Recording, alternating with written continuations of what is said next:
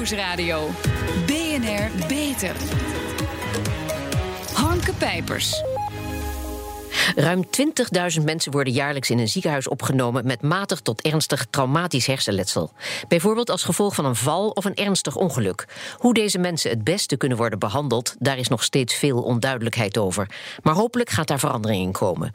Welkom bij BNR Beter, het programma voor mensen die werken aan gezondheid. Mijn gasten Marcel Arius, neuroloog-intensivist bij het Maastricht Universitair Medisch Centrum, en Wilco Peul, hoogleraar neurochirurgie aan het LUMC Leids Universiteit Medisch Centrum en het HMC, het Haaglanden Medisch Centrum. Juist.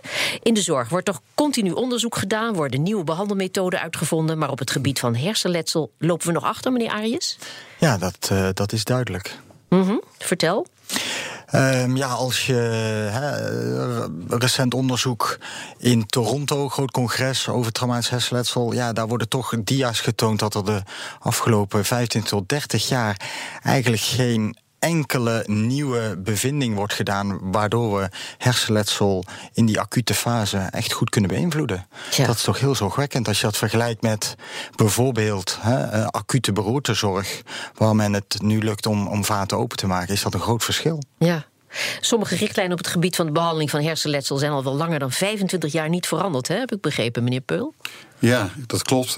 Misschien wel 500 jaar oude richtlijnen bestaan nog steeds. Mm -hmm. dus Italië uh, was er een anatoom in Bologna die zei als er een trauma was, iemand was in coma, dan maakte een gaatje de schedel. En als je je vinger erin stak en het was één vingerkootje diep, ja, dan moest je een grotere botlop eruit zagen om de bloeding te verwijderen. Oh.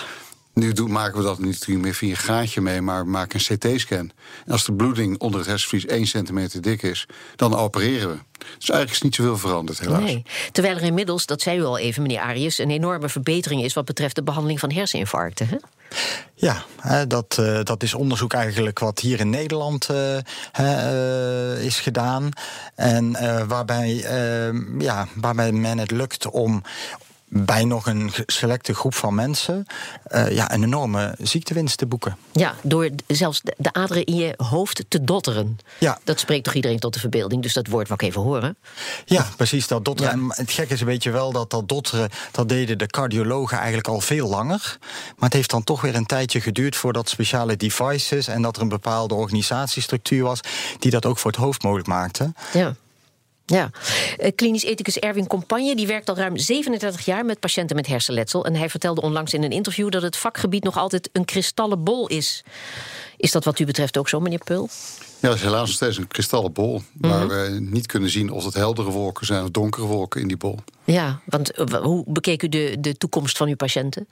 Ja, in het verleden, toen Erwin en ik samenwerkten, had ik een roze bril en hij een donkere bril. Dus ik zag iedereen er goed uitkomen en hij was al somberder over op de intensive care. Ja, ja. En nu zijn mijn uh, kristallen bol wolk is ook wat donkerder geworden als ik kijk naar de uitkomsten van onze zorg. Ja, komen we zo op. Want traumatisch hersenletsel ontstaat door bijvoorbeeld een botsing, een val of, of door geweld, helaas.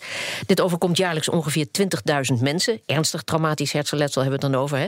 Kunt u uitleggen wat er gebeurt als iemand na zo'n gebeurtenis in het ziekenhuis terechtkomt, meneer Arias? En wat er gebeurt in het hoofd. Ja, kijk, een, een, wat wij noemen de primaire schade, die, die vindt eigenlijk op straat plaats. Dus waar de echte hersencellen gekneusd en geschaafd raken, dat vindt op, op straat plaats. Ja, je zou eigenlijk eerlijkheidshalve momenteel althans moeten toegeven dat we daar niet al te veel aan kunnen doen, mm -hmm. behalve belangrijke preventie. Maar, zeg maar zeggen, uh, die hersenen zitten gevangen in een gesloten schedel ja. en die gaan zwellen.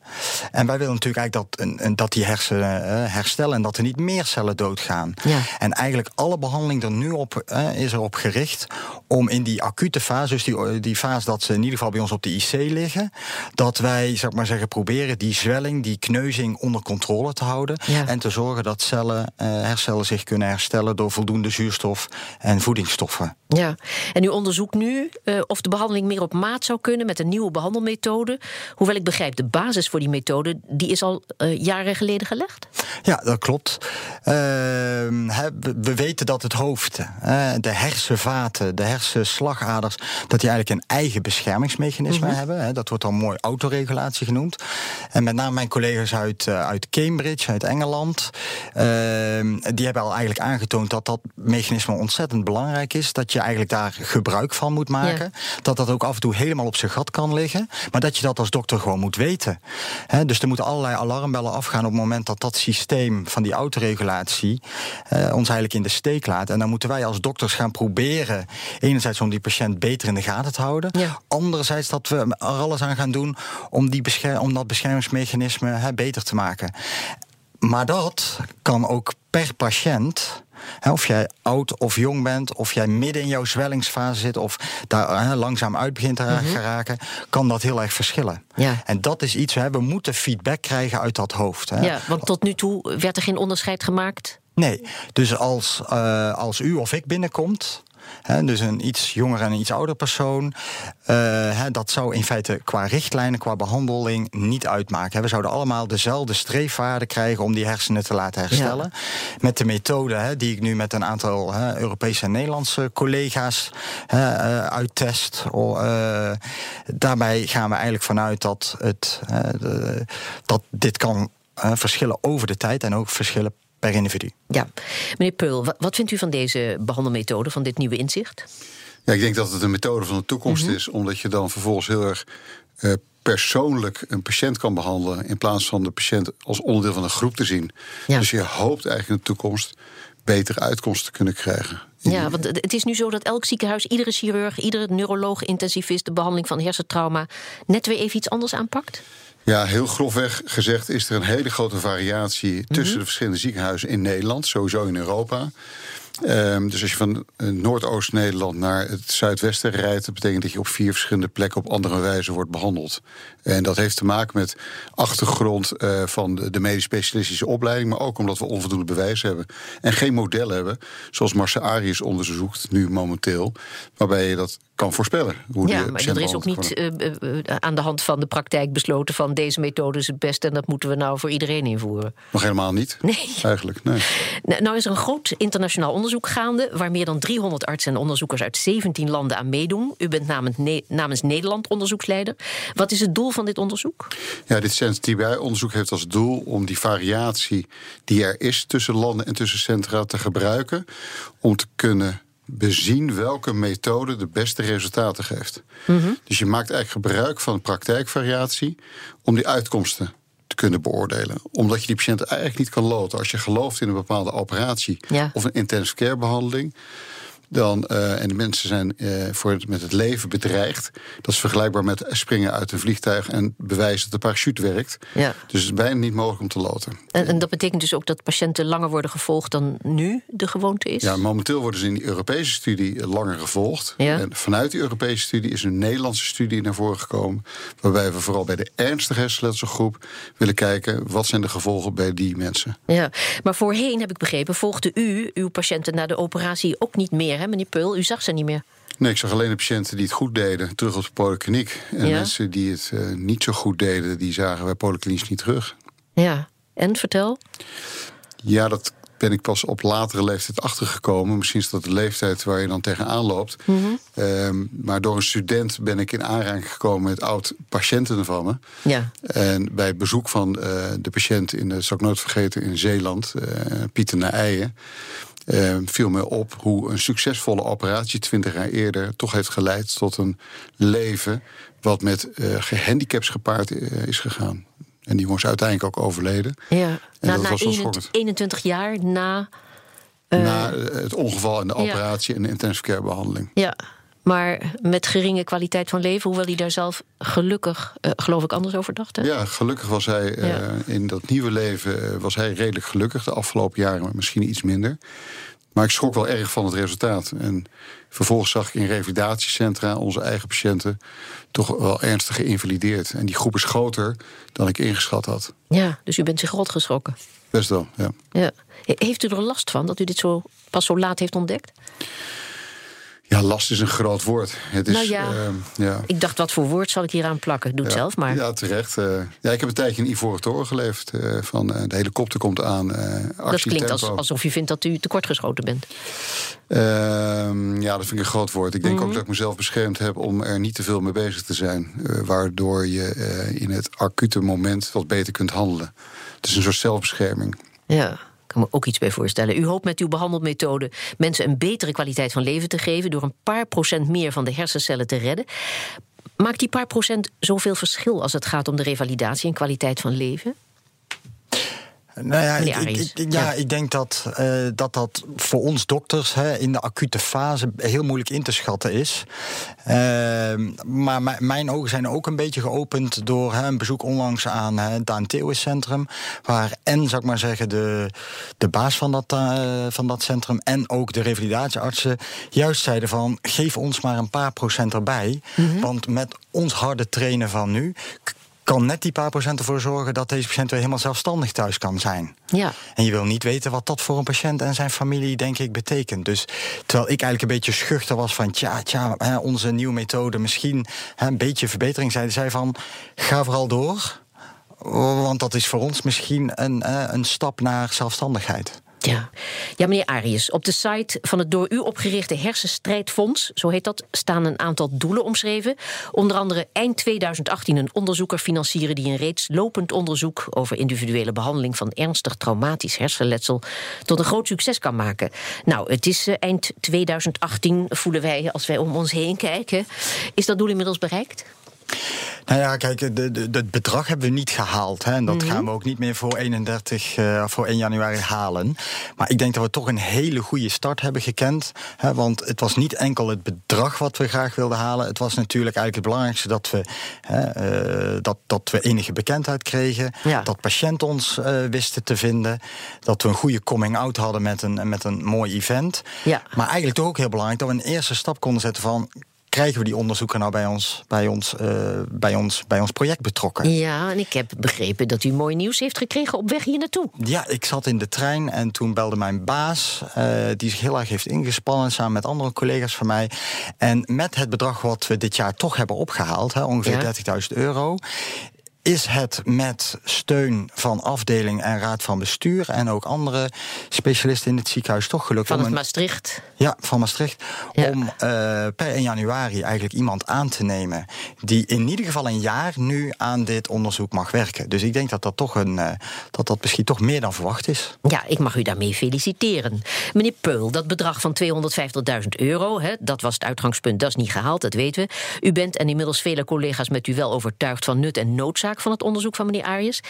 Ehm, is, is er wel eh, voldoende draagvlak voor? Moet daar niet heel veel meer aan gebeuren? Ja, ik denk dat er voldoende draagvlak is, maar er is onvoldoende kennis. Dus ik denk dat er. Mhm. Ach. Dat wordt heel veel aandacht gegeven aan eh, andere aandoeningen. Ja. Maar eh, binnen de politiek, maar ook binnen de gezondheidszorg. Eh, weet men weinig van de effecten op langere termijn van Ja. die acute behandeling. Binnen, binnen de politiek, dat snap ik helemaal. Maar binnen de hersenstichting bijvoorbeeld, hoe zit het daar dan? Nou, de Hersenstichting heeft meerdere aandoeningen waar ze aandacht aan moeten geven. En momenteel wordt er heel veel aandacht gegeven, eh, onder andere aan Alzheimer en, eh, en herseninfarcten. Ja. Wat heel logisch is.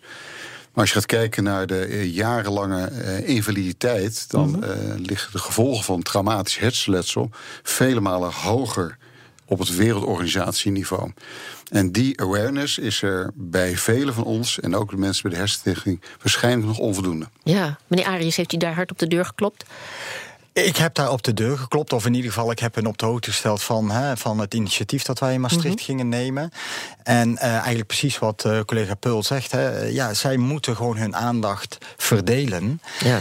En ja, ik denk als ik nog mag aanvullen, wat ook denk ik een probleem is met, met deze patiëntengroep, is zij kunnen zich niet kenbaar maken. Zij en, de- Nee. en hun familie zijn te druk met het herstel, met de revalidatie, met het rondkrijgen van de dagelijkse beslommeringen, met het overleven. En ze hebben gewoon momenteel, eh, zij kunnen zich niet organiseren of kenbaar maken. Ja, en dat betekent gewoon in deze huidige wereld dat er dan minder aandacht en minder geld hè, naartoe gaat. Ja. Dus Mag, die, mag ik daar even op inspringen nog? Ja, zeker. Want de Herstichting heeft wel een hele grote eh, studie gesubsidieerd... die we in Nederland hebben lopen. Mhm. naar de volledige ketenzorg eh, van deze hersenletselpatiënten. Daar is de intensive care zorg nog wat minder bij betrokken. Maar samen met Gerard Ribbers, de revalidatiearts en ikzelf... hebben we wel een landelijke studie gefinancierd door de Hersenstichting. De volgende stap is dat we de intensivisten daarbij betrekken. En daar heeft Marcel Aries een onderzoek een, eh, een grote stap eh, de goede richting ingemaakt. Ja. Dus dat, dat proberen te incorporeren. Ja, want u eh, ziet veel in de behandelmethode, hè, waar meneer Arius onderzoek dan doet. De toekomst zou dit zou kunnen, veel kunnen betekenen voor de toekomst. Hoe kunt u meneer Arius dan helpen om zijn doel te bereiken? Wat heeft u voor plannen? Wij zijn van zins om met elkaar samen te werken. De intensivisten die missen nu nog in onze internationaal samenwerksverband. Wel op het Europees niveau, maar als we gaan hebben over voorspellende methodieken. om te kijken of de patiënten beter kunnen eh, genezen in die acute fase. gaan we gezamenlijke aanvraag schrijven. Ja. En daar hebben we recentelijk hebben we daar een hele discussie over gehad. tussen neurologen, intensivisten en neurochirurgen. hoe we die zorg beter kunnen inrichten. Ja. Meneer Arius, u heeft zo'n 30.000 euro binnengehaald, vertelde u al, hè, door het organiseren van een kunstveiling in uw woonplaats. Want u van het begin af aan niet het idee van daar moet toch geld voor komen vanuit de politiek als er al 25 jaar niks gebeurd is op dit gebied, geen enkele vooruitgang geboekt. Jawel, maar ja, eh, soms kun je wel van alles willen. Ja. Hè, maar ja, je moet dan toch een soort een platform hè, eh, zien te maken. En dit was een eerste stap. Hè, voor het, eh, ook bij aanvragen van hè, Zon en W. Hè, daar wordt een hele duidelijke patiëntenparticipatie gevraagd. Ja. En dat, dat vakje bleef eh, bij mijn aanvraag eigenlijk eh, verdacht leeg. Ja. En uiteindelijk als je dan terugkoppeling vraagt... dan zeggen de mensen, ja, dat, dat moet u dan maar zelf organiseren. Ja. Want ik hoor dat u als argument gebruikt dat de patiënten zich en families niet kunnen organiseren. Dan, dan moet u dat maar samen met hun proberen. Ja. Ja. En daar was dit En toch u had toch al eigenlijk... van tijd. Maar goed, Nou ja. u heeft een begin gemaakt. Eh, meneer Peul, u was onlangs nog in de Tweede Kamer samen met collega's om een brandbrief te overhandigen waarin u pleit voor een helmplicht voor de snorfiets. Vertel, wat waren de reacties daar? Ja, de reacties waren eh, begripvol, maar men vond dat eh, preventie van 40 doden op jaarbasis eh, niet zo'n groot getal was. Daar schrok ik wel even van. Ja, dan heb je het alleen over de doden. Dan heb je het alleen over de doden. En je Ja. kijkt niet naar de honderden mensen die, eh, die een ernstiger hersenletsel kan voorkomen. De gevolgen daarvan die op onze intensive cares in de ziekenhuizen be- belanden. Dus ik schrok van de. Ja, ik schrok eigenlijk van het tekort aan kennis wat er is. En dan neem ik mezelf en onszelf eigenlijk ook weer kwalijk Mhm. dat wij de politiek beter moeten informeren. Ja, ik wou zeggen, er is een hoop te doen. Meneer Arius, bent, bent u ook voor zo'n helmplicht? Ik neem aan van wel, hè? Ja, ik, ik, ik, ik luister ook naar deze discussie eigenlijk met, met verbazing. Eigenlijk iets wat zo makkelijk te voorkomen is. Ja. En wat zo'n impact heeft, dat, eh, dat snap ik niet. Hè. Voor het- als je de discussie een beetje mag doortrekken, maar voor het fietshelmen. eh, ja, met e-bikes. De laatste patiënten die wij allemaal op onze intensive care hebben, dat zijn wat oudere mensen die op hun e-bike Ja, zonder ja, ja, ja. helm bij ons terechtkomen. En die zijn, komen er of hè, niet levend of ernstig beschadigd uit. Dat, eh, en dat is, denk ik, een heel groot deel te voorkomen door het dragen van een goede helm. En, en wat is het beleid eh, ten aanzien van de oudere medemens? Be- ja, be- daar zorgen we net zo goed voor als, Goed. eh, als eh, voor. Het is niet eh, in Nederland zo, hè? Heb ik begrepen. Nee, dat verschilt heel erg per land. Ik ga geen Ja. landen noemen, maar het, eh, zuidelijke landen zijn daar veel conservatiever in. Blijf daar weg met je snorfiets. Maar dan haal je toch maar niet met jouw helm dragen. Ja. Nou goed, maar of de helmplicht voor mensen met snorfiets er komt of niet, er zullen altijd mensen met hersenschade in het ziekenhuis belanden. En de afgelopen 25 jaar is er geen vooruitgang geboekt in de acute behandeling. Gaat het u lukken om daar verandering in te brengen, meneer Arius? U bent hoopvol, hè? Ik ben heel erg hoopvol. Ik denk dat, dat dit onderzoek wat wij doen hè, met onze, Europese collega's, dat dat weer een hele eh, inspirerende eh, eh, impuls gaat geven. Hè, enerzijds aan een technologie hè, die we op de IC kunnen gaan toepassen. Anderzijds dat we nu eindelijk eens feedback uit dat hoofd gaan krijgen. Ja. Ook meer gaan weten over wat is er allemaal mis. Dat maakt denk ik toch ook onze beslissingen om eventueel wel of niet door te gaan. Hè, bij jongeren en bij ouderen denk ik een stuk beter. En eh, ik hoop dat dat dan ook eh, eh, ja, warm wordt onthaald door fabrikanten en, en ja, andere sponsors. Ja. Zullen we in de toekomst beter kunnen voorspellen hoe het leven van de patiënten na de behandeling in het ziekenhuis gaat aanzien? Gaat uitzien, meneer Arius? Ja, dat, ja ik, ik, ik denk het wel. Kijk, nu hebben we tot op heden altijd de patiënt opgenomen, afgewacht. En, uh, en eigenlijk voor een deel uh, het natuurlijk beloop afgewacht. Ja. En ik denk dat dat gewoon niet te accepteren is. Ik denk eigenlijk ook, ik vind het steeds moeilijker worden om dat aan families uit te leggen. Ja. En dat, uh, dat wil ik graag over een paar jaar echt duidelijk anders hebben. Ja, en meneer Peul, zal er dan ook een antwoord gegeven kunnen worden op de ultieme vraag waar iedere intensivist mee te maken krijgt? Moeten we doorgaan met de behandeling of moeten we stoppen? Ja, ik verwacht eigenlijk dat we binnen een aantal jaren die voorspelling kunnen doen. En dat we uh, kunnen stoppen bij de mensen waar we bijna 100% zeker weten dat ze een hele slechte kwaliteit van leven hebben. Ja. En dat we de mensen met een goede prognose, een goede uitkomst, een nog betere uitkomst kunnen geven. Dus dat we van 20% goede uitkomst naar een ernstig hersenletsel op de IC naar 40, 50% gaan. Dat zal een hele mooie stap zijn. Oké, okay, ik help het u hopen. Um, hartelijk dank, Marcel Arius en Wilco Peul. Pioniers in de zorg. Onze zorgredactie speurt naar interessante medische innovaties binnen en buiten de muren van de universiteit. Waar werken ze aan en wat moeten wij hierover weten? Esther Jansen, een nieuwe methode om jongeren met psychische problemen te ondersteunen. Vertel. Ja, het gaat om een app die ze op hun telefoon kunnen installeren. Gmoji heet die app. Jeugdorganisatie Spirit en Garage 2020 ontwikkelen deze app samen met het Centrum Wiskunde en Informatica en de Technische Universiteit van Madrid. De psychische zorg mag namelijk wel wat meer met haar tijd meegaan, vinden de initiatiefnemers. Ze vinden dat de manier hoe het nu gaat, dus iemand moet maar op een afgesproken tijd zich melden bij een hulpverlener, dat dat niet meer aansluit bij de belevingswereld van de jongeren. Maar hoe kan een app op een telefoon helpen bij de psychische hulpverlening aan jongeren? Nou, iets waar hulpverleners nu tegenaan lopen is dat jongeren het moeilijk vinden om aan te geven dat het niet zo goed met ze gaat. Dat viel ook initiatiefnemer van de app Levi van Dam op in zijn werk als hulpverlener. En toen zag hij, toen hij voor zijn promotieonderzoek in Amerika was, hoe ze bij de Technische Universiteit MIT een app gebruiken om suïcide te kunnen voorspellen. Oh, en, en hoe werkt deze Nederlandse app? Ja, dat zit zo. De app meet uh, zogenoemde passieve data, waardoor jongeren niet per se hoeven uit te leggen hoe ze zich voelen. Zo vertelt de Levi van Dam. Je hoeft niet te zeggen, ik heb vannacht tot twee uur op mijn scherm uh, met, met, allerlei apps lopen klooien. Uh, of je hoeft niet te zeggen, ik heb eigenlijk niemand gebeld. Ik had al mijn telefoontjes gewoon afgewezen. Ja, dat wordt gewoon geregistreerd. Dus dat noemen we passieve data. En is het mo mogelijk om op basis daarvan de jongeren feedback te gaan geven over zijn emotionele welbevinden. Ja, dus doordat die app de bezigheden gedurende de dag registreert, hopen ze iets te kunnen zeggen over het emotionele welbevinden van die jongeren. Maar wat gaan ze daar dan mee doen? Nee, dat is precies wat ze verder willen gaan onderzoeken. Ze zitten nu nog in de fase waarin ze gaan kijken of het telefoongebruik, of die passieve data, zeg maar, iets kan zeggen over hoe het nu gaat met zo'n jongere. En dan gaan ze kijken, wat kunnen we daar vervolgens mee doen? Dus als je weet dat een jongere pas om twee uur naar bed gaat... wat ga je dan zeggen als hulpverlener? Je kunt wel tegen zo iemand gaan zeggen, dat is niet zo handig... maar dat snapt hij zelf ook wel. Maar wat je bijvoorbeeld zou kunnen doen... is uh, dat een jongere een naam opgeeft van iemand die hij vertrouwt. Bijvoorbeeld een oom of een buurman. En dat hij dan een waarschuwing krijgt... wanneer het nou ja, lijkt dat het wat minder goed met de jongere gaat. Ja, zou de app dan uiteindelijk de hulpverlener moeten gaan vervangen? We mogen toch hopen van niet, hè? Nee, dat is niet, waarschijnlijk niet het geval... want ze hebben ook al een eerste test gedaan met 35 jongeren. En die gaven aan dat ze de app interessant vinden. Maar dat het voor hun ook nooit een hulpverlener zou kunnen vervangen. Maar het zou de hulpverlening wel kunnen versterken en een stuk flexibeler kunnen maken. Volgens Levi van Dam moet de psychische hulpverlening dus meer met haar tijd meegaan. En hij onderzoekt of deze app meer zou kunnen aansluiten bij de belevingswereld van de jongeren. Vanaf april gaan ze weer testen en daar zoeken ze ook nog jongeren voor. Vooral jongeren zonder specifieke psychische problemen. Zodat ze dat kunnen vergelijken met mensen die wel uh, psychische problemen hebben. En ook komen de makers graag in contact met andere onderzoekers die ook met zoiets bezig zijn in Nederland. En die kunnen allemaal dan mailen naar levi.garage2020.nl. Ah, levi.garage2020.nl. Esther Jansen, dankjewel. En tot zover deze uitzending van BNR Beter. Op bnr.nl slash beter is deze uitzending terug te luisteren... of on demand via de BNR-app, Spotify of iTunes. We zijn ook op Twitter te vinden onder BNR Lifestyle... dus heeft u tips voor ons, laat het ons vooral weten. Ik ben Harmke Pijpers. Graag tot een volgend spreekuur.